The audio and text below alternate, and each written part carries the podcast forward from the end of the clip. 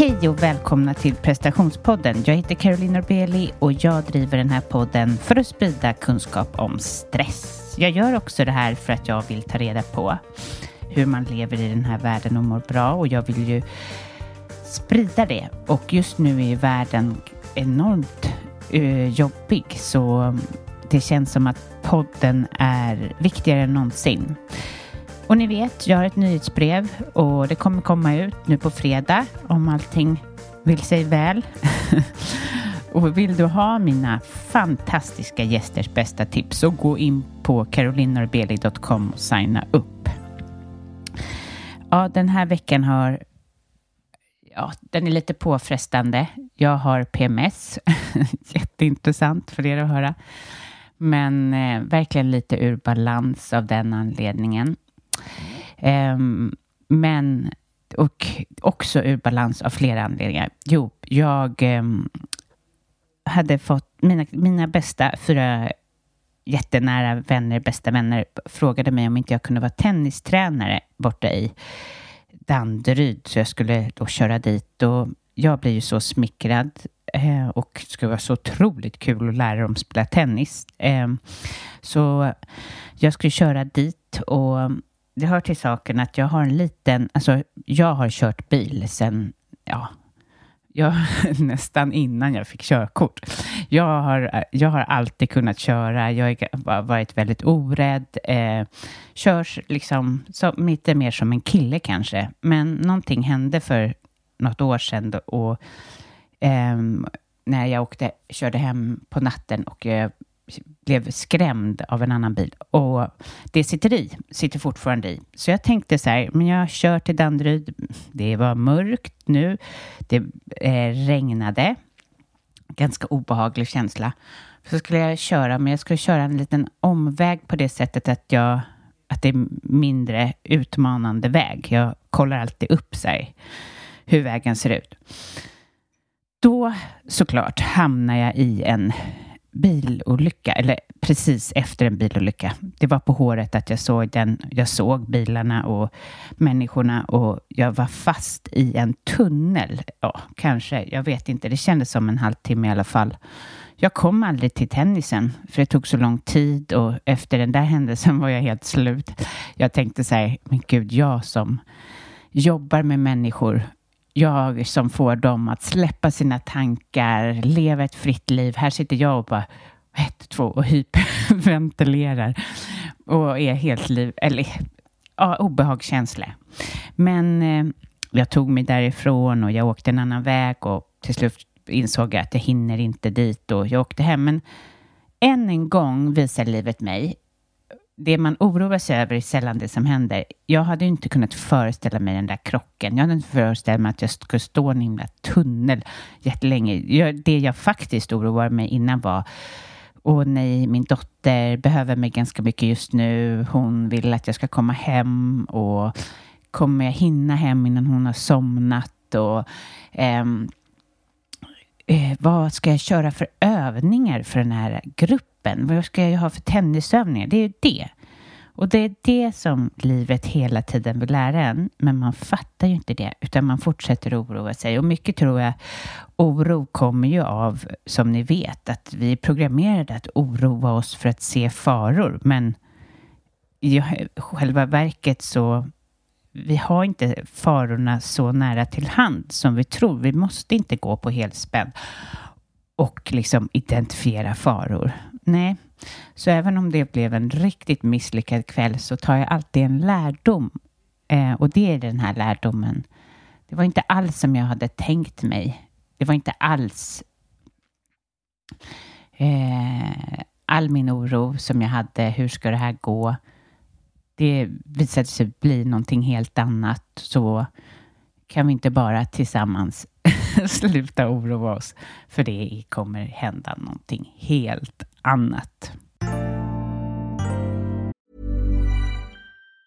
This Mother's Day, celebrate the extraordinary women in your life with a heartfelt gift from Blue Nile. Whether it's for your mom, a mother figure, or yourself as a mom, find that perfect piece to express your love and appreciation. Explore Blue Nile's exquisite pearls and mesmerizing gemstones that she's sure to love. Enjoy fast shipping options like guaranteed free shipping and returns. Make this Mother's Day unforgettable with a piece from Blue Nile. Right now, get up to 50% off at BlueNile.com. That's BlueNile.com. Hey, it's Paige DeSorbo from Giggly Squad. High quality fashion without the price tag? Say hello to Quince.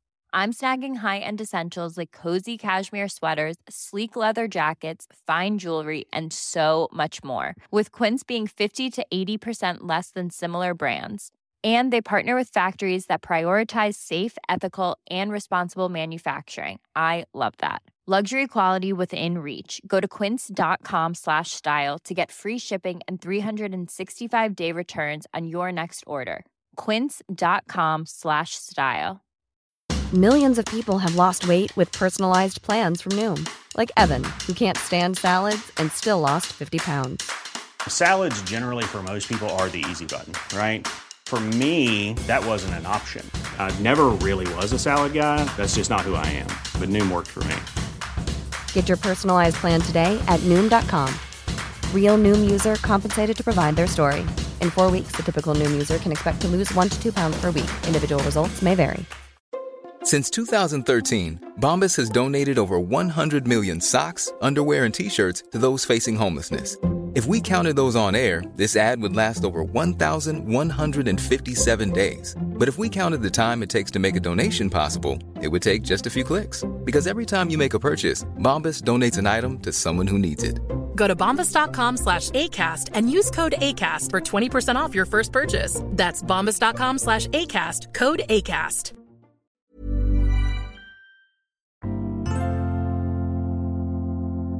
Eh, nu är det inte långt kvar tills jag kommer åka iväg på retreat. Och eh, det ska bli helt fantastiskt.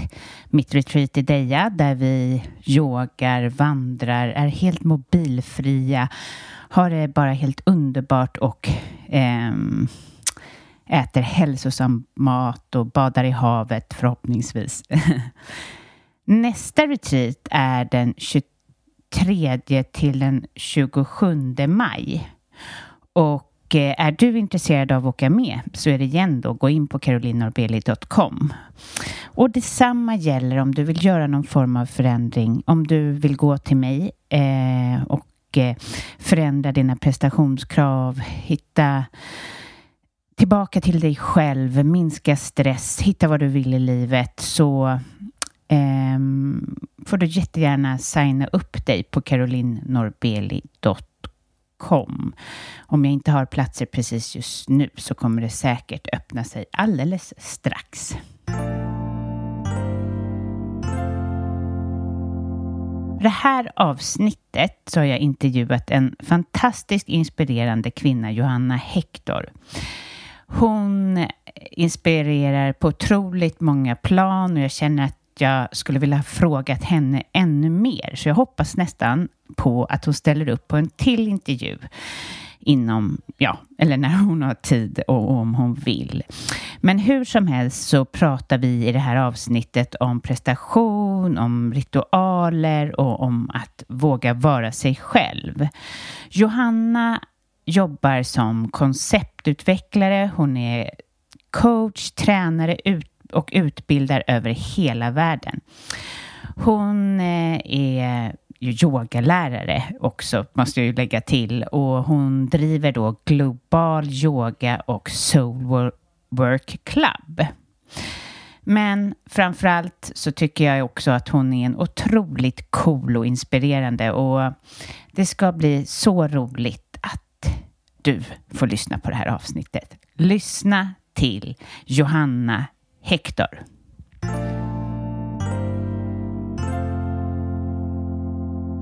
Hej och välkommen till prestationspodden Johanna Hector.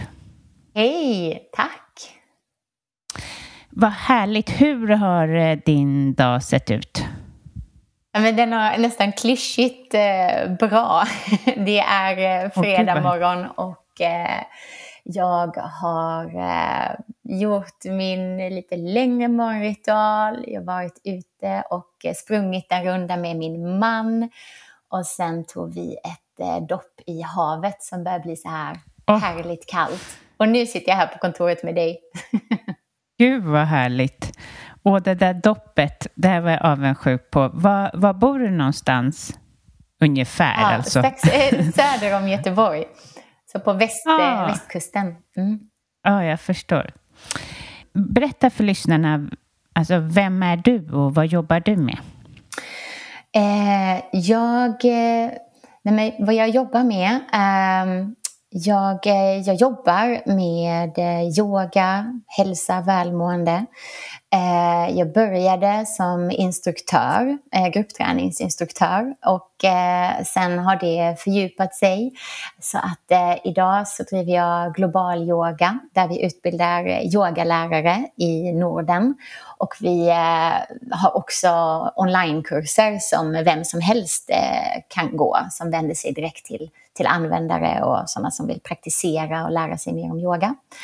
Eh, och sen så har jag Soulwork Club som är eh, on, en klubb eh, med online-träning. Ehm, och framför allt det här som jag brinner för. Träna smartare, inte hårdare. Alltså inte det här att göra mer saker utan hela syftet med den är att, att trätta ner all kunskap, all information. All... Det finns ett överflöd som vi säkert kommer gå in på i den här podden av information där ute. Och, eh, och att hit... det är ett klubbhus eh, där man helt enkelt får träna smart istället för hårt och få tillgång till att praktisera så att man inte fastnar upp i huvudet med saker man borde göra och visioner för sin hälsa och sitt välmående som blir stressande istället. Ehm, mm. Så då är man alltså medlem och eh, tränar digitalt? Precis, eh, så att allting är digitalt och sen så har vi eh, ungefär tre till fyra tillfällen per år eh, som heter dayclubs, alltså en dagsfest mm. där vi ses och fysiskt praktiserar och får umgås och lära känna varandra. Mm. Och då är det alltså yoga och styrka och allt möjligt? Eller Ja, det har du helt rätt i. Eh, det, det det är allt möjligt och vi delar in det, jag delar in det i workout och work-in. Så eh, min bakgrund är inom träning men min passion är yoga. För för mig är det ett hållbart sätt att röra mig på. Och det är en typ av rörelse som jag lätt kan anpassa utifrån min livssituation, min hälsa, mina olika förutsättningar. Eh, men i Soul Club så vill jag också ta bort det här ordet yoga. För att vi har så många olika, alla har sina personliga associationer till vad yoga betyder och vad yoga är. Så att jag är väldigt intresserad av alltså, semantik, ord, vilka ord vi använder för att uttrycka oss. Så att i Soul Club så delar vi in träningen i workout och det, det är träning som bryter ner dig. Eh, som ger dig en högre puls, som bryter ner dina muskler, som stressar dig.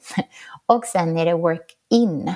Och det är träning som återhämtar dig, som eh, bygger upp dina muskler igen, som eh, ökar din hjärtvariabilitet, eh, som triggar igång det parasympatiska nervsystemet och, och sådär. Så det, det är ett brett spektra ifrån andning, meditation, avslappning, återhämtning, burpees, löpningsintervaller och dans. Och, ja. Vad kul. Härligt. Vilket bra upplägg. Um, jag tänker att eftersom vi fortfarande var här på din morgon med dina olika så har jag ju fått höra när jag har lyssnat in mig på dig att du har en hel del ritualer. Mm. Så jag skulle vilja ha, alltså det är så inspirerande. Jag har börjat, jag har ju hört det förut, men jag har faktiskt börjat duscha lite kallt sen jag började lyssna på dig. Um, Vad glad och, jag blir. Ja, verkligen. Tack. Men du inspirerar jättemycket, tycker jag. Oh. Eller ja, i det jag har lyssnat till. Och ja, Så börja berätta lite. Vad har du för rutiner? Hur ser det ut när du vaknar? Um, men jag vaknar och eh, går rakt in i badrummet. Eh, och där dricker jag ett stort glas levande vatten så att vi vaknar eh, uttorkade. Eh, så att det första jag ser till är att dricka mycket och eh, oftast så har jag ett rumstempererat vatten Eh, så att det inte är iskallt och så pressar jag antingen en citron i eller river i lite gurka eller alltså någonting så att det blir levande vatten. Så vätska innan den där första koppen kaffe som kommer sen som jag älskar. så förhåller jag lite på den, dricker mycket vatten och eh, sen så pumpar jag igång limfan och gör en eh, lymfmassage. Eh, ibland är det med en eh, torrborste, vantar, ehm, ibland är det med olika redskap så att det varierar lite beroende på årstid, säsong och behov. Men, men mitt syfte är att sätta igång lymfan för vi har ju legat ner under natten så man är ofta lite svullen, lite stel, lite så seg när man vaknar. Eh, och där ingår en av mina favoriter som är, är tuttmassagen, alltså en bröstmassage så jag gör oftast detta naken.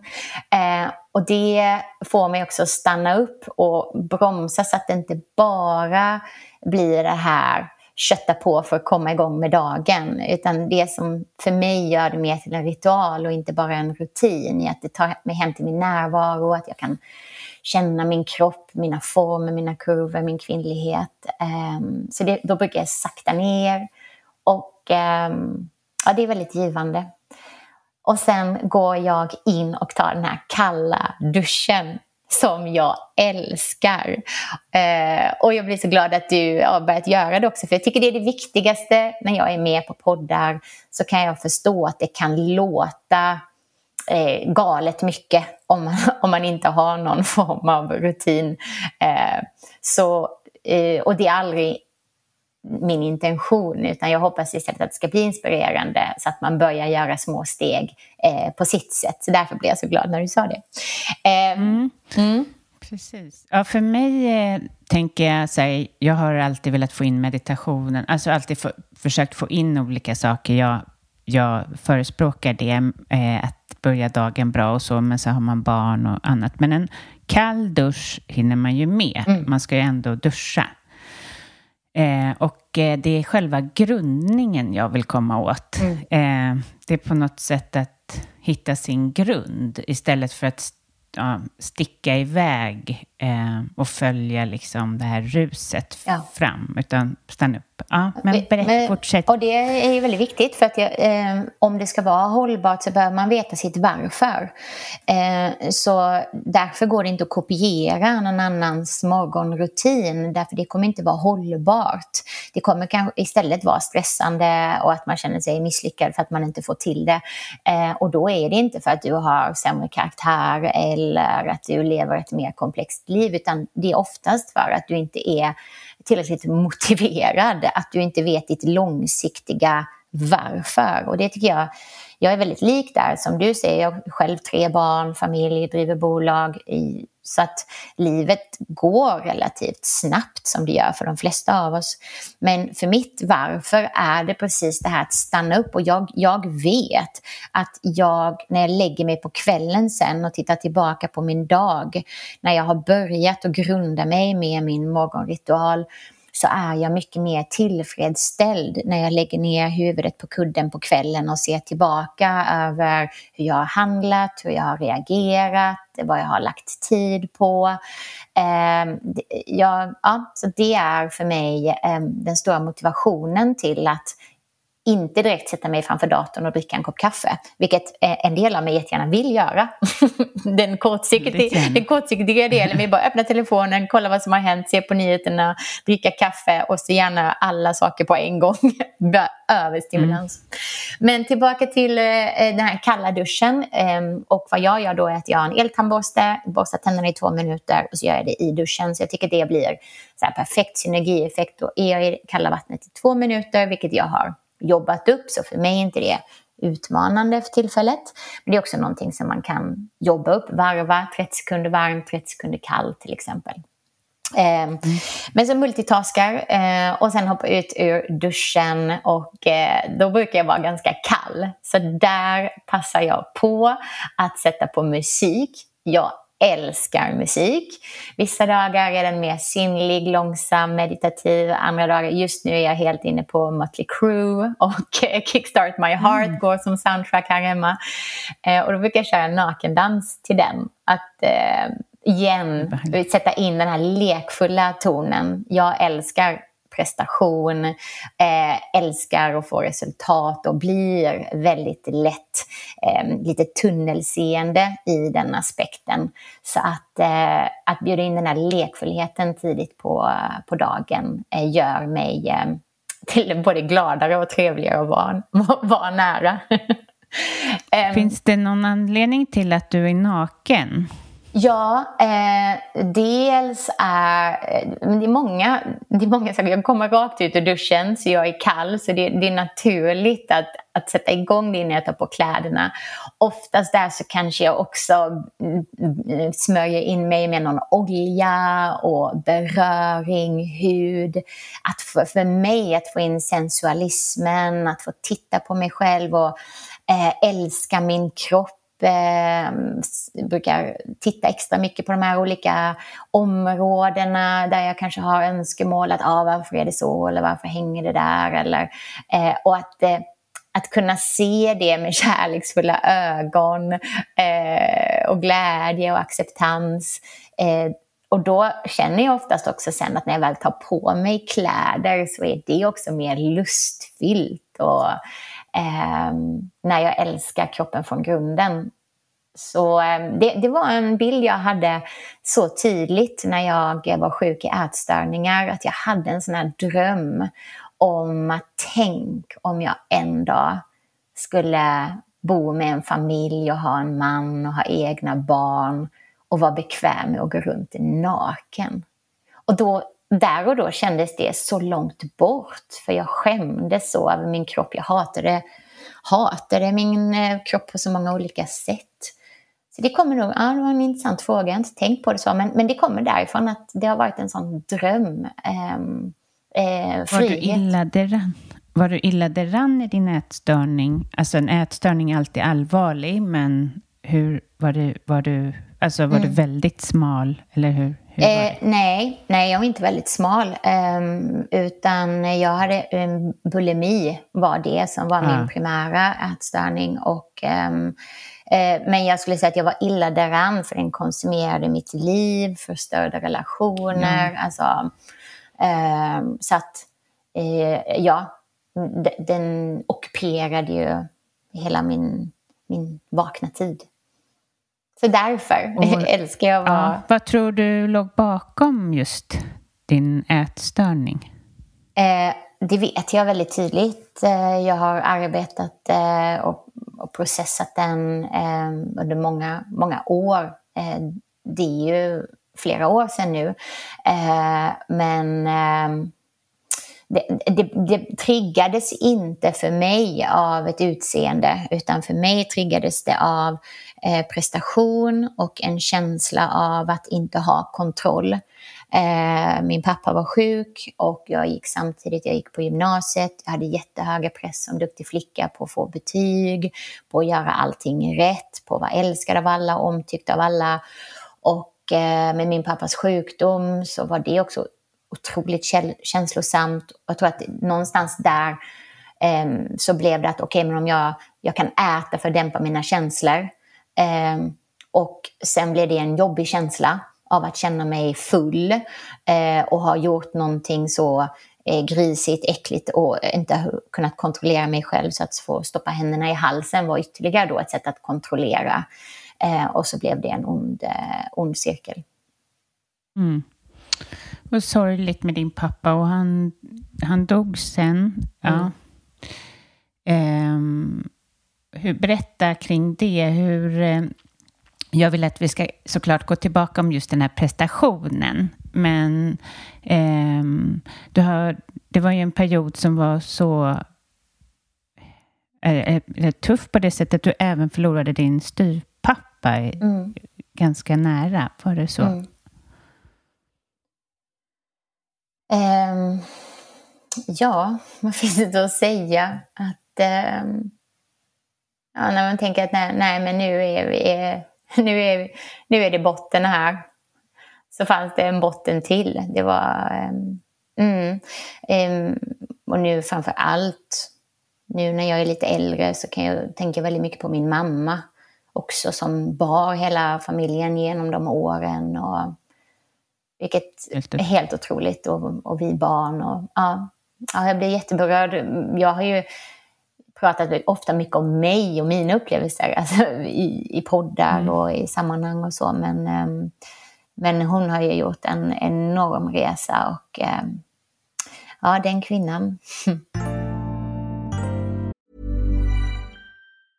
A lot can happen in the next three years. Like a chatbot may be your new best friend. But what won't change? Needing health insurance. United Healthcare Tri Term Medical Plans are available for these changing times Underwritten by Golden Rule Insurance Company, they offer budget-friendly, flexible coverage for people who are in between jobs or missed open enrollment. The plans last nearly three years in some states, with access to a nationwide network of doctors and hospitals. So for whatever tomorrow brings, United Healthcare Tri-Term Medical Plans may be for you. Learn more at uh1.com. Quality sleep is essential. That's why the Sleep Number Smart Bed is designed for your ever-evolving sleep needs. Need a bed that's firmer or softer on either side? helps you sleep at a comfortable temperature? Sleep Number smart beds let you individualize your comfort so you sleep better together. JD Power ranks Sleep Number number 1 in customer satisfaction with mattresses purchased in-store. And now, save 50% on the Sleep Number limited edition smart bed for a limited time. For JD Power 2023 award information, visit jdpower.com/awards. Only at a Sleep Number store or sleepnumber.com.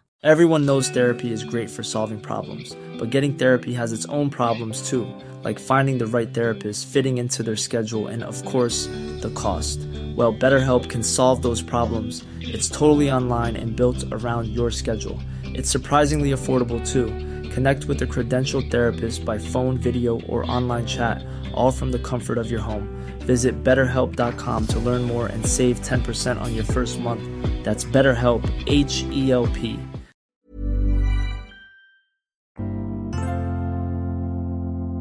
Backar tillbaka till det här med den här prestationen. Hur, har du varit så hela livet eller kom det, det starkare kring de här händelserna? Det kom starkt. Alltså, jag har gjort äh, lite olika processer. Ehm, jag har alltid varit väldigt intresserad av att lära känna mig själv men eh, oss som människor. Så att eh, jag har gjort ganska mycket så här arbete med mitt inre barn och olika mm. psykoterapier och olika, um, olika tekniker. Jobbat med fantastiska lärare och coacher. Uh, och det som blev tydligt för mig var att när jag började skolan uh, som fyraåring, jag kan liksom gå tillbaka till minnen när jag var eh, fyra, fem, sex eh, och sådär eh, när jag var sju och började skolan. Och det här är väldigt viktigt att det var inte skolans fel i sig utan eh, det var mig i det systemet där jag, eh, det blev så lätt för mig att göra rätt. Jag fattade spelet så tidigt. Jag såg direkt där, nej men det är som att vara bra på att köpa och sälja aktier typ, vilket jag inte är. Men jag kan bara föreställa mig att om man är det så är det svårt att, eh, att inte göra en bra affär när man ser den så blev skolan för mig, att jag såg det så direkt. Aha, där, det gillar de, det gillar de inte. Så här blir man omtyckt, så här blir man inte omtyckt. Eh, och, och jag såg väldigt mycket upp till vuxna. Alltså, vuxna det blev väldigt viktigt för mig att göra rätt. Så där, där lämnade jag så många delar av mig själv som sjuåring som jag sen nu har fått gå tillbaka och hämta tillbaka. Där jag kan fortfarande se hur det påverkar mitt beteende många olika gånger där jag hamnar ofta tillbaka i de gamla mönsterna. Så där började min eh, resa som prestationsprinsessa. Eh, och där delar av mig som, som är viktiga för mitt välmående och överlevnad eh, lämnades kvar. Och sen har det varit och är än idag eh, en fortsatt resa att bjuda hem mig själv. Jag brukar ofta säga det när jag undervisar och jag gör det för att jag säger det lika mycket till mig själv. Välkommen hem till dig själv. Um, mm. För det är så värdefullt för mig. att komma hem till mig själv och välkomna då alla delarna, bland annat den här fyraåringen som inte är med mig så ofta för att hon tycker inte det här livet är så intressant av prestation och ja. Var det, hade du ångest innan eh, du skulle prestera eller var det en, liksom en ständigt mer kamp, liksom bara att du pressade dig själv? Ja, men det är en väldigt bra fråga. Att nej, alltså jag, jag, eh, jag tyckte det var lustfyllt att prestera. Så det är väl en del av problematiken. Att, och än idag, jag tycker det är så jädra mm. kul. Eh, mm. Och jag får eh, ångest, jag, jag vet inte om det är ordet jag skulle använda. Jag får ju en... Eh, jag får ju ofta den här, inte prestationsångesten, men där jag känner att usch, det här vill jag inte göra. Och det, den kan ju vara väldigt konstruktiv, för den har ju ofta tagit mig till nya möten, nya situationer, supervärdefulla saker. Den utvecklar mig själv, den utmanar mig själv. Men jag skulle säga att det är väl som är för mig nyckeln idag, skillnaden i det hela. Och där jag känner det supertydligt när det är konstruktivt eller destruktivt. Eh, och det är men det närmaste jag skulle kunna förklara det med det är att jag bär med mig ett citat och det är um, pulled by passion instead of pushed by fear. Och, ja, och för mig är det som, just nu sitter jag och håller på precis i slutspurten av att eh, skapa en, en ny onlinekurs. Och jag är mitt inne i den här kreativa fasen där liksom allt bara ska trattas ner. Och, och en del av mig bara känner så här, nej men bara, bara skit i det Johanna, gör inte det. Bara gör något annat, njut av livet, skit i att göra den här kursen. Eh, och då är det en del som kanske så här, ja men prestation, att det har med prestation att göra. Att pressa inte dig själv Johanna, om det är jobbigt så gör det inte. Men jag vet att i det här stadiet så är det ju mer att jag är i den här kreativa fasen där jag inte har kontroll än, där saker inte har landat och duktiga flickan i mig vill bara att det ska gå jättesnabbt och bara bli klart. Men hela essensen och konstnären i mig och den, den intelligenta, empatiska delen som vet att den här kursen kommer genuint tjäna människor. Men, men den är inte riktigt klar, den behöver få landa. Eh, jag behöver tillåta den delen och det är det som är pulled by passion. Jag, jag vet att det här är så viktigt. Den här måste få födas. Det finns människor som behöver den. Um, så så jag, jag behöver göra klart den. Hm. Vad roligt. Ja, men verkligen, det var det jag tänkte höra om. Det du har... Ja, jag förstår. Du är ju fortfarande det då, men att du har börjat kunna hantera det. Att eh, prestera för att bli omtyckt. Eller prestera för att eh, man är rädd. Eller prestera för att vilja tillhöra. Eller mm. Ja, det pratar du mycket om. Det har jag hört och det gillar jag väldigt mycket. Prestera från hjärtat. Vad har dina tankar kring det? Du kom in här lite på det, men... Mm, men jag tycker det är viktigt att, att prestation varken är negativt eller positivt när vi tar det ur sitt kontext. Och där krävs det lite mer arbete från varje individ. Det finns inte ett svart och vitt facit. Det finns inte en rätt väg. Och många människor som jag säger så här, men du, du behöver känna in själv. Hur, hur, känner du genuint? Och många vet inte. Och jag har full förståelse för det, för det är en process i att lära, lära känna sig själv. Men det finns ett väldigt enkelt eh, röd tråd att gå efter. Och det är långsiktigt versus kortsiktigt. Om det ger dig långsiktig tillfredsställelse, långsiktigt energi, långsiktigt glädje, då är det en prestation som är gynnsam. Eh, mm. Och det är någonting som jag tycker är jättespännande att lyfta. Jag har inte pratat om det i några andra poddar, men det är någonting som jag reflekterat över nu här senaste veckorna och jag visste att vi skulle ha det här samtalet och jag har mm. lyssnat in på din podd och eh, det fina, de fina intervjuerna du gör. Och, eh, men du lyfter ett så viktigt ämne och du gör ju det också i poddformat och på sociala medier. Och då, eh, då var det min äldsta dotter hon är nio och hon älskar att titta på eh, såna här Fixa rummet eller så här filmer där de gör sina naglar. Och i dagens sociala medier, ja, men, då, då är ju de filmerna oftast kanske bara 15 sekunder. Och då ser hon ju så här hur de bara, ah, först var mina naglar så här fula och sen gjorde de bara några drag med en pensel och så puff var de så här fina. Och då känner hon ju direkt så här, åh vad kul, det där ska jag göra. Och så sätter hon sig och så börjar hon och så pysslar hon och pysslar. Hon har sparat ihop pengarna för att köpa den här lilla penseln och det här nagellacket. Och så sätter hon sig och frågar mamma kan jag få göra det här? Jag bara absolut. Så är hon inne på sitt rum tre timmar och håller på och kommer ut och bara gråter. För det ser ju ut som hej kom och hjälp mig. Det ser inte alls ut som på det här snygga klippet på TikTok eller YouTube eller vad det nu var. Och det är en konversation som jag har med henne och jag, det är en konversation som vi vuxna också behöver ha. Är att problemet idag med sociala medier är att det, det ger oss en sån prestationsångest därför vi ser inte processen. Vi ser bara mm. så här fult var det och så puff, tio sekunder, på tio sekunder fick jag de här perfekta naglarna. Eller så ser vi att bara hej, jag, jag kunde inte yoga, jag visste ingenting, men så puff tände jag den här rökelsen, tog tre djupa andetag, tog på mig de här fina yogatightsen och nu är mitt liv superharmoniskt. Och det är ett jätteproblem. Och därför, mm. eh, för vi missar hela processen och jag förstår, jag hamnar också i den här fällan.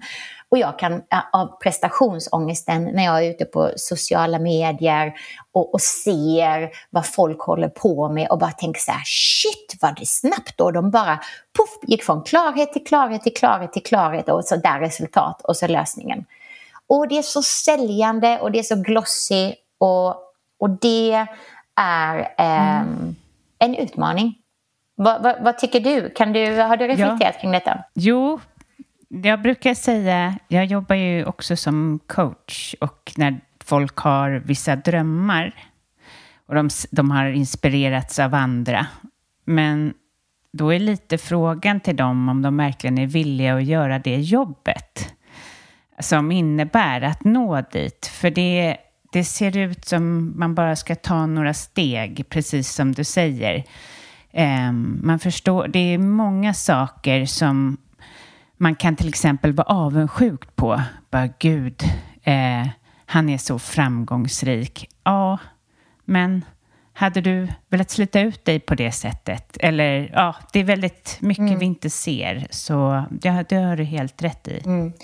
Det kan ju också vara så att nej men, jag lyssnade på den här podden och jag hörde talas om Johannas eh, morgonritual. Och jag testade men jag kände inte alls sådär. Jag testade den där kalla duschen och jag fick inte alls energi av den. Eh, och, och, det är återigen det att nej, för att det tar ja, ett tag.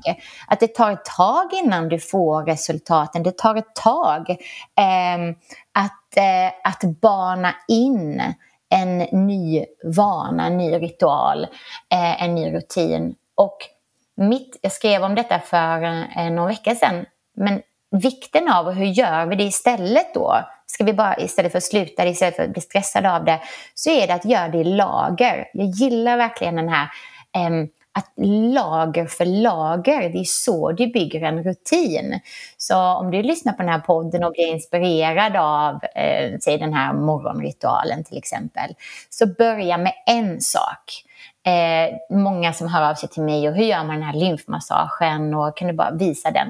Eh, och det funkar inte så. Man, man, man behöver lära sig den från grunden. För mig tar det 30 sekunder att göra lymfmassagen på mig själv för att jag har gjort den nu i 10 år.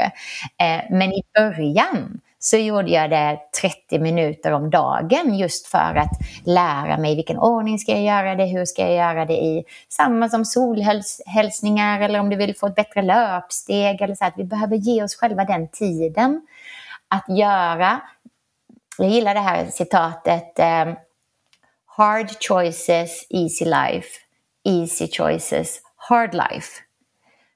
Och att mm. eh, det är inte prestation. Motstånd är inte detsamma som prestation. Utan när vi upplever motstånd så betyder det att okej, okay, det finns ett motstånd här, det finns någonting att lära mig och så gradvis, gradvis blir jag bättre och sen kommer det kännas lätt. Det finns ingen som upplever från början, om man vill skapa någon hållbar vana eller lära sig någonting, bara gud vad lätt det var. Men, men och jag har bidragit till detta också, sagt så här att nej, men, när jag började yoga bara kändes det rätt och lätt. För det är ju mitt minne när jag sitter här och nu. Eh, men det är inte säkert att det ärligt var så jag kände. Det kommer Nej. inte jag ihåg. Jag, och jag kommer inte heller ihåg alla de jobbiga stunderna. Jag kommer inte ihåg alla gångerna det gick dåligt, alla gångerna jag inte kände för det. Utan här och nu så kommer jag, eh, det är min natur i alla fall, att komma ihåg det som var kul, det som kändes bra. Eh, och då kan man lätt få en romantiserad bild av resan. Så det, jag tycker det är viktigt Verkligen. att lyfta.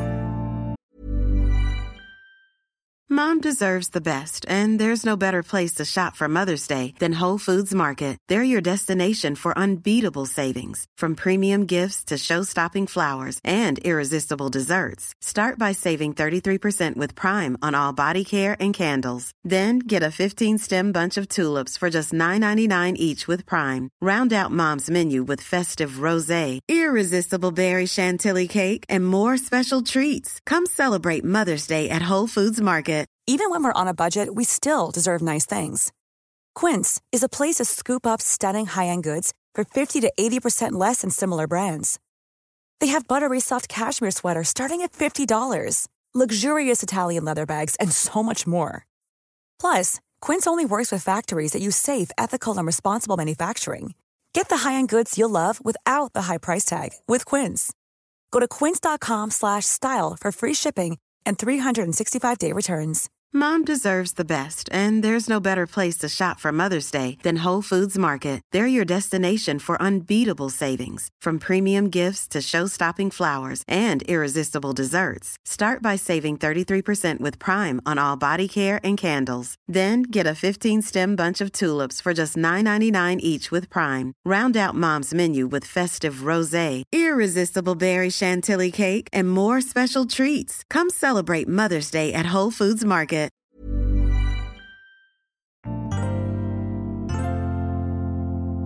Du besitter ju ett väldigt mod, tycker jag, kring dina sociala medier och kring det du pratar om och så. Eh, vilket är väldigt inspirerande. Det känns som att du inte bryr dig om vad andra tycker. Jag förstår att du gör det till viss mån, men, men, men hur kom du dit? För jag, du har ju inte alltid varit där. Nej. jag, jag, jag har väl två delar i mig eh, och det eh, kan säkert många relatera till. Jag bryr mig absolut. Eh, jag blir jätteledsen, eh, många omgångar sårad eh, och, och det är jag väldigt glad över att jag blir. För, för jag bryr mig verkligen. Eh, jag vill inte ha tjock hud. det är inte mitt mål. Mitt mål är att fortsätta, eh, fortsätta känna, verkligen. Känna när jag blir ledsen, eh, känna det fullt ut. När jag blir sårad, känna det fullt ut. Eh, men samtidigt så har jag också en sån enorm, eh, ja, vad ska jag säga, livslust. Eh, eh, en enorm, och det, det, tror jag kanske kommer också ifrån att jag upplevde död så tidigt. Att jag, jag, jag bär det så nära, jag bär döden nära mig, så nära mig hela tiden. Och det här tanken att det här är ingen generalrepetition, jag kommer inte få en annan chans. Och det är väl också det att jag kan med, med, människor jag älskar eller människor som jag bryr mig om eh, eller till följare så önskar jag verkligen inspirera till det. Att nej, skjut inte på det, vänta inte. bry dig vad andra tycker, men låt det inte diktera ditt liv. Låt det inte bestämma vad du väljer att posta eller lägga ut eller hur du väljer att agera. Um, och för mig är det en styrka att ha tillgång till båda dem. Att, att fortsätta vara tunnhudad och låta allt komma in. Det är mitt mål. Jag vill inte gå runt genom livet med någon rustning eller vara tjockhudad och vara runt och behöva känna att jag behöver ha armbågar och stå upp för mig själv. Nej, jag är helt ointresserad av det. Jag vill vara mjuk, jag vill ha tillgång till lekfullhet, skratt och ja, men då blir jag, jag är ju sårad oftare, då får det väl vara så då.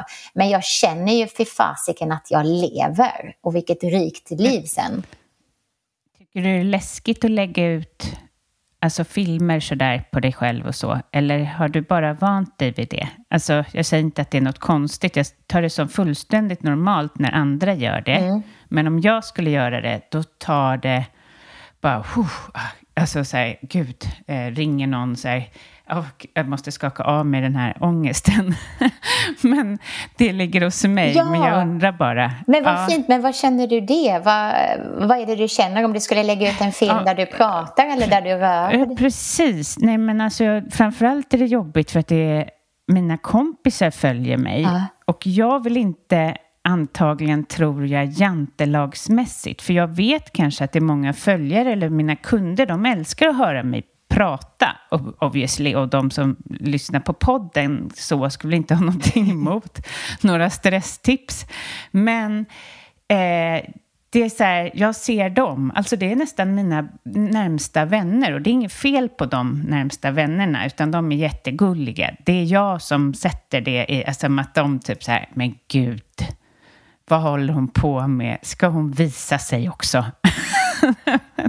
så himla dumt. Men därför blir jag så himla så här, när jag ser dig så, jag blir så här lätt när du vågar allt det där. Ja. Vad fint, tack för att du delade. Och, um, ja, men jag, jag kan bara tänka så många som känner och relaterar till det du säger. Um, jag tror att för mig det kommer, nog, det kommer, det kommer från någon konstnärlig ådra i mig. Och att för mig har film alltid varit lättare än text. Ehm, jag har alltid uttryckt mig genom kroppen. För mig är det lättare att, eh, att eh, vara autentisk genom att få visa ett klipp med en rörelse eller få prata så här med dig för att jag kan nyansera alltid känt att det har varit min väg. Um, eller när jag måste skriva något, då får jag mer prestationsångest för att jag vet att jag eh, liksom, är blind när det kommer till stavning. Och, så jag får, och då kan jag bli så här, åh nej, de kommer hoppa på mig och tycka att jag åh, jag kollar inte stavningen noga eller jag särskrev där eller, åh, eller, ja, eller det gör jag. Ja. Så där ja. kan jag mer känna mig eh, begränsad. Eh, och sen tror jag den andra nyckeln är att eh, att det går så snabbt för mig. jag, jag bara sätter upp en kamera någonstans och så filmar jag det. Och så gillar jag det här med att kunna klippa det till någon musik och, eh, och så tittar inte jag på det igen. så, för det kanske är nyckeln, att jag aldrig tittar ja. på det jag gör. Jag lyssnar aldrig på det. jag bara puttar ut det där och sen som tur är tyvärr är det väl då någon gång när någon eh, så här refererar tillbaka. Så här, den gången du sa så i den filmen. Då kan jag känna så här, puff, fanns det på film? Vad sa jag där? Jag har ingen aning. Nej, vad härligt. Och det är så det är för mig med podden. Mm. Så här, de, de bara, när du intervjuar den där, vem då? Ja. så för att jag, jag gör och sen går vidare ja, ofta. Och, och sen klart, vissa sätter sig. Och då är det, ja. det är den här passionen. Och det, jag, jag, jag uppskattar väldigt mycket det här, det här spontana ärliga. Och det kommer ju från ett enormt grundarbete. Du är förberedd med dina frågor, du har eh, liksom lyssnat in dig på mig, du vet vad du tycker hade varit intressant att fråga. Och då blir ens egen prestation inte så intressant. Och det Nej. tror jag är en nyckel, för då gör man det av passionen för att få ja. sprida något. Det är bra, det ska jag ta med mig. Mm. Men varför tror du att vi har så mycket stress i Sverige och utmattningar? Åh, vilken bra och viktig fråga. Jag läste mm, en av mina lärare, Jamie Wheel, eh, han, han, han sa, och jag kommer inte ihåg studien, som visade på att det är fler människor idag i världen som dör av eh, självmord än av krig och svält och naturkatastrofer sammanlagt. Och, och jag tyckte det var... Um, han är helt fantastisk eh, och hans böcker. Men ja, jag tänker ofta på det. Um, att vi lever i en tid där vi borde kunna må bättre än någonsin. Och så gör vi inte det det, det den frågan ockuperar mig dagligen. Och mm, jag, jag vet ju bara mitt svar. Och, och, mitt sätt att gå från mina depressioner och, och mina livskriser och, och min ätstörning och alltså, anti, från att ha ätit antidepressiva och allt det där. Så, och, och detta är ju inte för alla, så jag är djupt ödmjuk inför det här. Men, men för mig handlar det om att komma ner från huvudet och ner i kroppen. För mig handlar det om att min hjärna är överstimulerad och min kropp är understimulerad. Och det gör att jag ifrågasätter eh, mig själv, allt, alla toner, vad folk säger, kommenterar. Och jag tror det är den här överstimulansen uppe i min hjärna och understimulansen i min kropp eh, som får mig att må dåligt och många andra. Eh, och, och därför är jag så passionerad över att vända detta. Som jag pratar om soulfulness eller soul work club. Att, att, att röra känslorna genom kroppen. Att, att låta den här överstimulerade hjärnan få pysa ut utan att vara dömande. Eh, och tillåtelse är ju nyckelordet. Och sen börja stimulera kroppen kroppen. Eh, som på en yogaklass handlar det för mig om att jag ger jättemycket tekniska instruktioner. Det är inte för att du ska göra rätt när du står i hunden, utan det är för att din kropp behöver stimuleras. Du behöver, för att om du bara står där så kommer din överstimulerade hjärna igen börja tjattra. Så, eh, och andningstekniker, lymfmassager, kalla dusch, den här eh, morgonritualen. Det, det, handlar ju för mig om att stimulera ja. min kropp Eh, och det, eh, ja, det är min, eh, mina reflektioner. Det är ju den här överstimulansen också som skapar eh, sömnproblem. Oh. Eh, så, som sen leder vidare till nästa steg i utmattning och så. Så du har så rätt i det. och eh, Ja, den här huvudfotingskänslan, att bara vara här. Och att vi går runt också och tror att vi kan våra barn går på gympa och fotboll och det där, men vi sitter bara framför en dator och vi ska protestera. Alltså, det går inte. Jag brukar säga att, men det, jag har några, men jag vill inte ha några kunder som inte tränar eh, på något sätt, för det är omöjligt ah. att få dem bra. Och det behöver inte vara någon hård träning, utan en promenad eller så. Men liksom stillasittande, det går inte att hjälpa. Alltså, som, alltså om man nu ska komma ifrån prestation och ångest och ja. Mm. Har du så rätt i. Rörelse. Hur, hur, kom du, hur blev du intresserad av så, eh, att bli yogalärare? Eh, det är en väldigt rolig resa. jag, eh, jag ramlade på yoga när jag bodde i Swaziland. Eh, jag var 17 år gammal. Och eh, jag var inne i den här cirkusen av prestation. Eh, jag var i Swaziland. Ehm, jag jobbade med barnhem, aidssjuka barn. Det var, det var väldigt mycket eh, fokus på prestation och hjälpa utåt. Eh, jag dansade, jag rörde på mig, men dansen blev också prestation. Jag var i den här mm. tonårsfasen där jag började titta på hur folk såg ut, ätstörningen hade kommit in i mitt liv. Um, och då började jag yoga där en gång i veckan. Och eh, det jag minns var att det var första gången som jag gjorde någonting utan att jag skulle prestera. Jag skulle inte få betyg i det, jag skulle inte bli bättre på det, jag skulle inte bli starkare, utan det var en jätte... Ja, det, det var en ögonöppnare. Och eh, jag fick också dåligt samvete för att jag gjorde någonting bara för mig själv i en timma. Och det var ju ganska talande och jag reflekterade också över det, kommer jag ihåg att oj, nu är det, det är något som är fel. Det är, um, ja, så att jag fick sådana små ögonöppnare.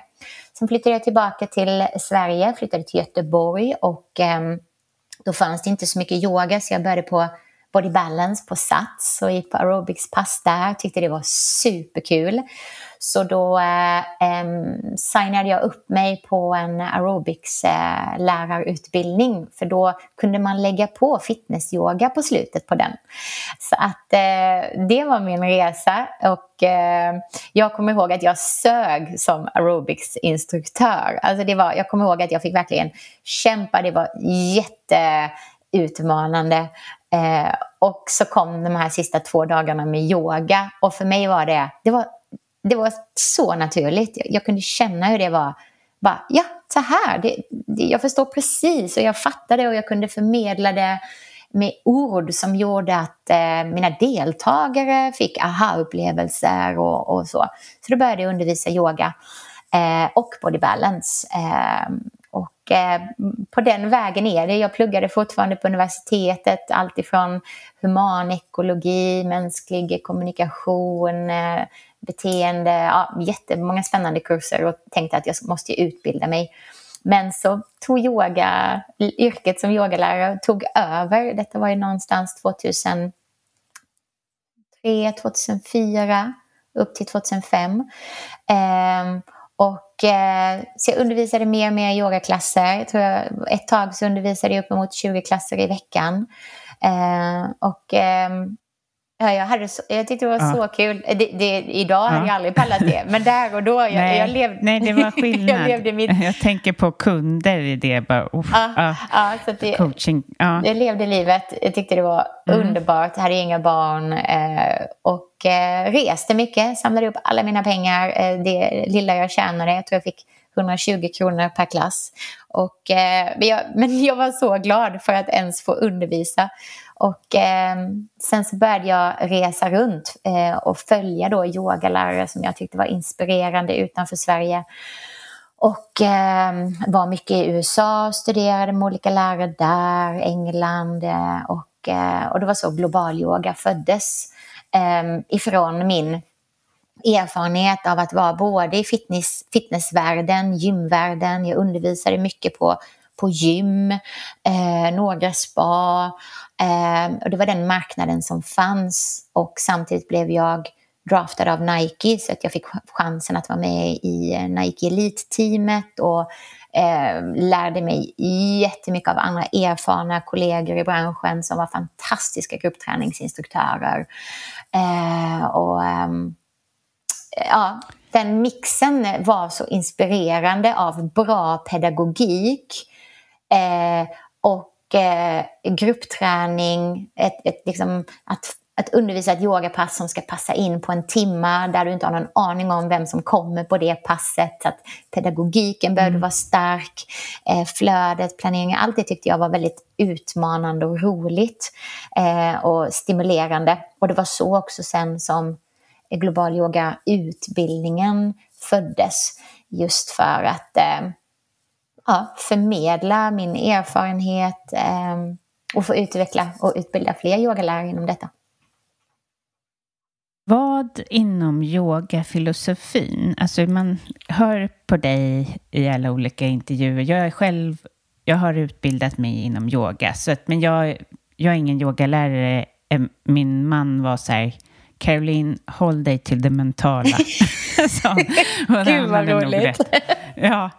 Eh, men jag har ju lärt mig mycket av det och jag tror att det här kan vara en svår fråga, men eh, vad är det du tycker om inom yogafilosofin?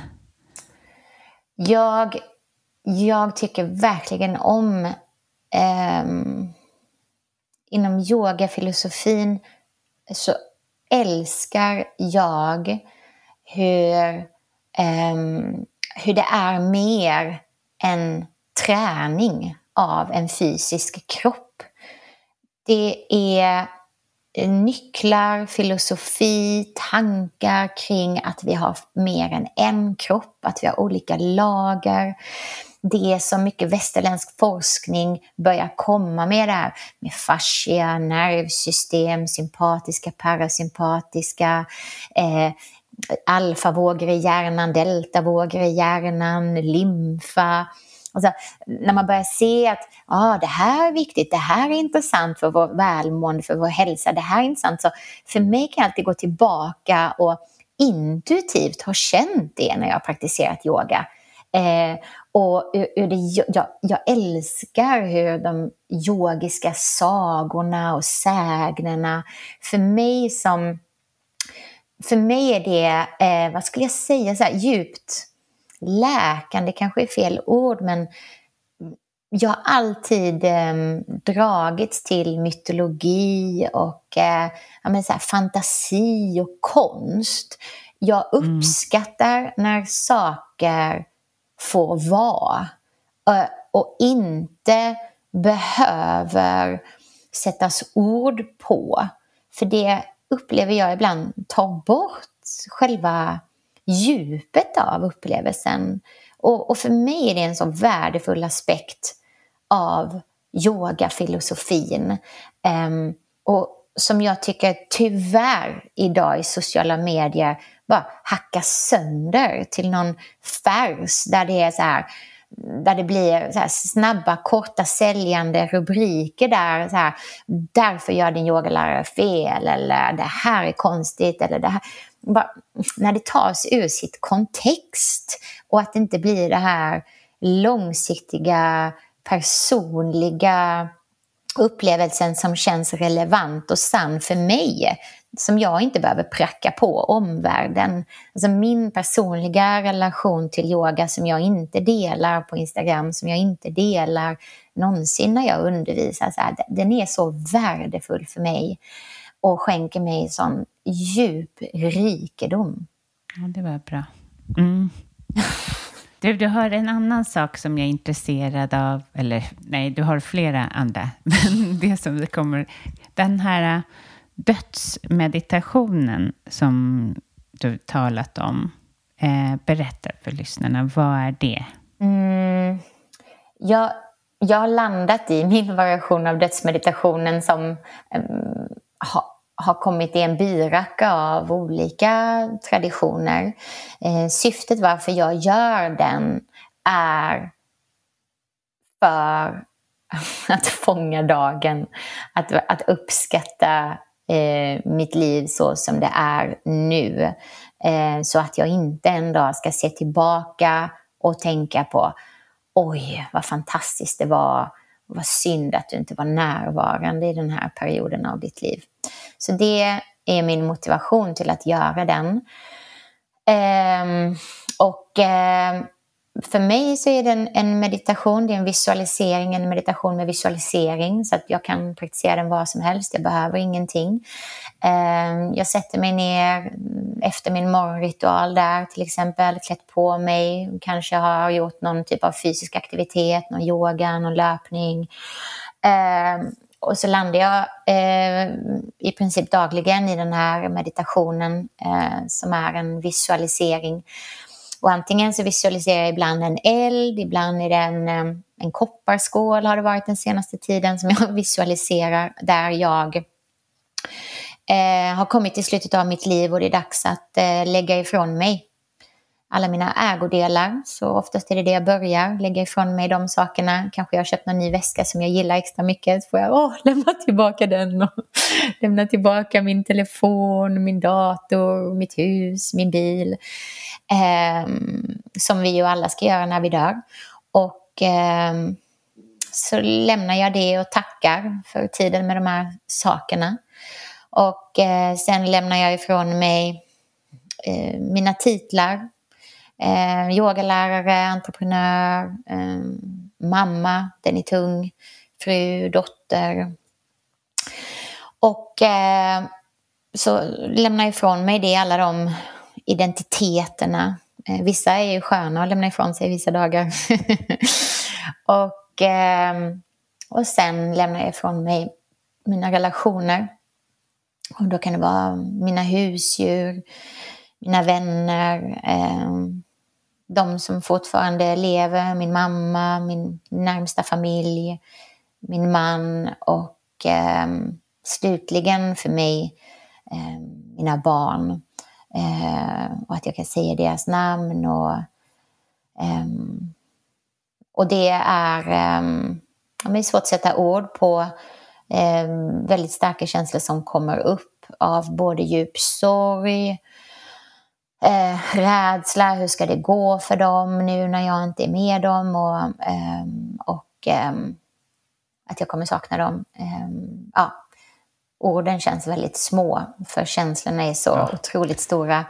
Eh, mm. Ofta kommer det tårar, ibland kommer det glädje. Eh, och eh, och sen, sen sitter jag med det och det som ofta infinner sig är att, eh, som nu bara när jag går igenom det med dig och du kan säkert känna det också, när ett djupt lugn, ehm, en, en, en genuin stillhet skulle jag säga, en, väldigt, en stillhet där tid och rum står stilla.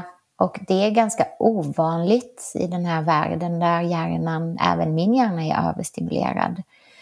Um, och oftast när jag reser mig från meditationskudden där så um, är jag så sjukt grundad och inte reaktiv alls på samma sätt.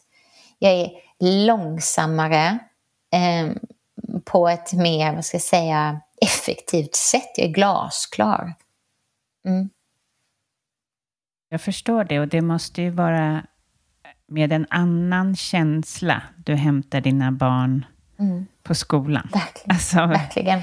För, för, med en tacksamhet. Och jag, jag, kan, jag har inte testat göra den, men jag har cyklat lite fram och tillbaka till min tennis och lyssnat på dig när du sagt det och så började jag bara oh, komma, oh, komma i närheten av den eh, känslan. Det är ju något man väldigt mycket undviker. Eh, och det man undviker, det blir ju läskigt. Så jag förstår. Jag ska testa någon gång. jag kan varmt rekommendera och, det. Ja. Mm, har du någon eh, som du kan rekommendera till podden som kan komma hit och prata om stress eller ja, personlig utveckling? Oh, jag eh, tycker Cecilia Duberg, har hon varit på podden? Nej. Ja, eh, hon är enorm. Hon har skrivit eh, Lejonagendan, eh, ja. Elefanteffekten heter den va? Eh, ja, ja, jag har lyssnat på den. Mm. Ja. Hon är, mm. jag jobbar nära med henne. Hon är en, eh, en god vän till mig. Jag använder henne som coach jag använder henne. Men jag, jag, hon låter, ja. hon är fantastisk. Jag tycker hon är en, eh, en otroligt, vi har väldigt mycket gemensamt, vi inspirerar varandra. Eh, och eh, hon är verkligen en, eh, ja, hon skulle vara en jättefin gäst på den här podden. Ja, tack. Ja, ja, ja. Jag har bara glömt bort, precis som avsnitten. Mm. Man bara ja, passerar. Ja. Eh, tack snälla. Jag tycker det här var ett jättebra avslut också med den här dödsmeditationen. Så tack för att du kom och fortsätt att eh, inspirera. Tusen tack för att jag fick vara med. Tack.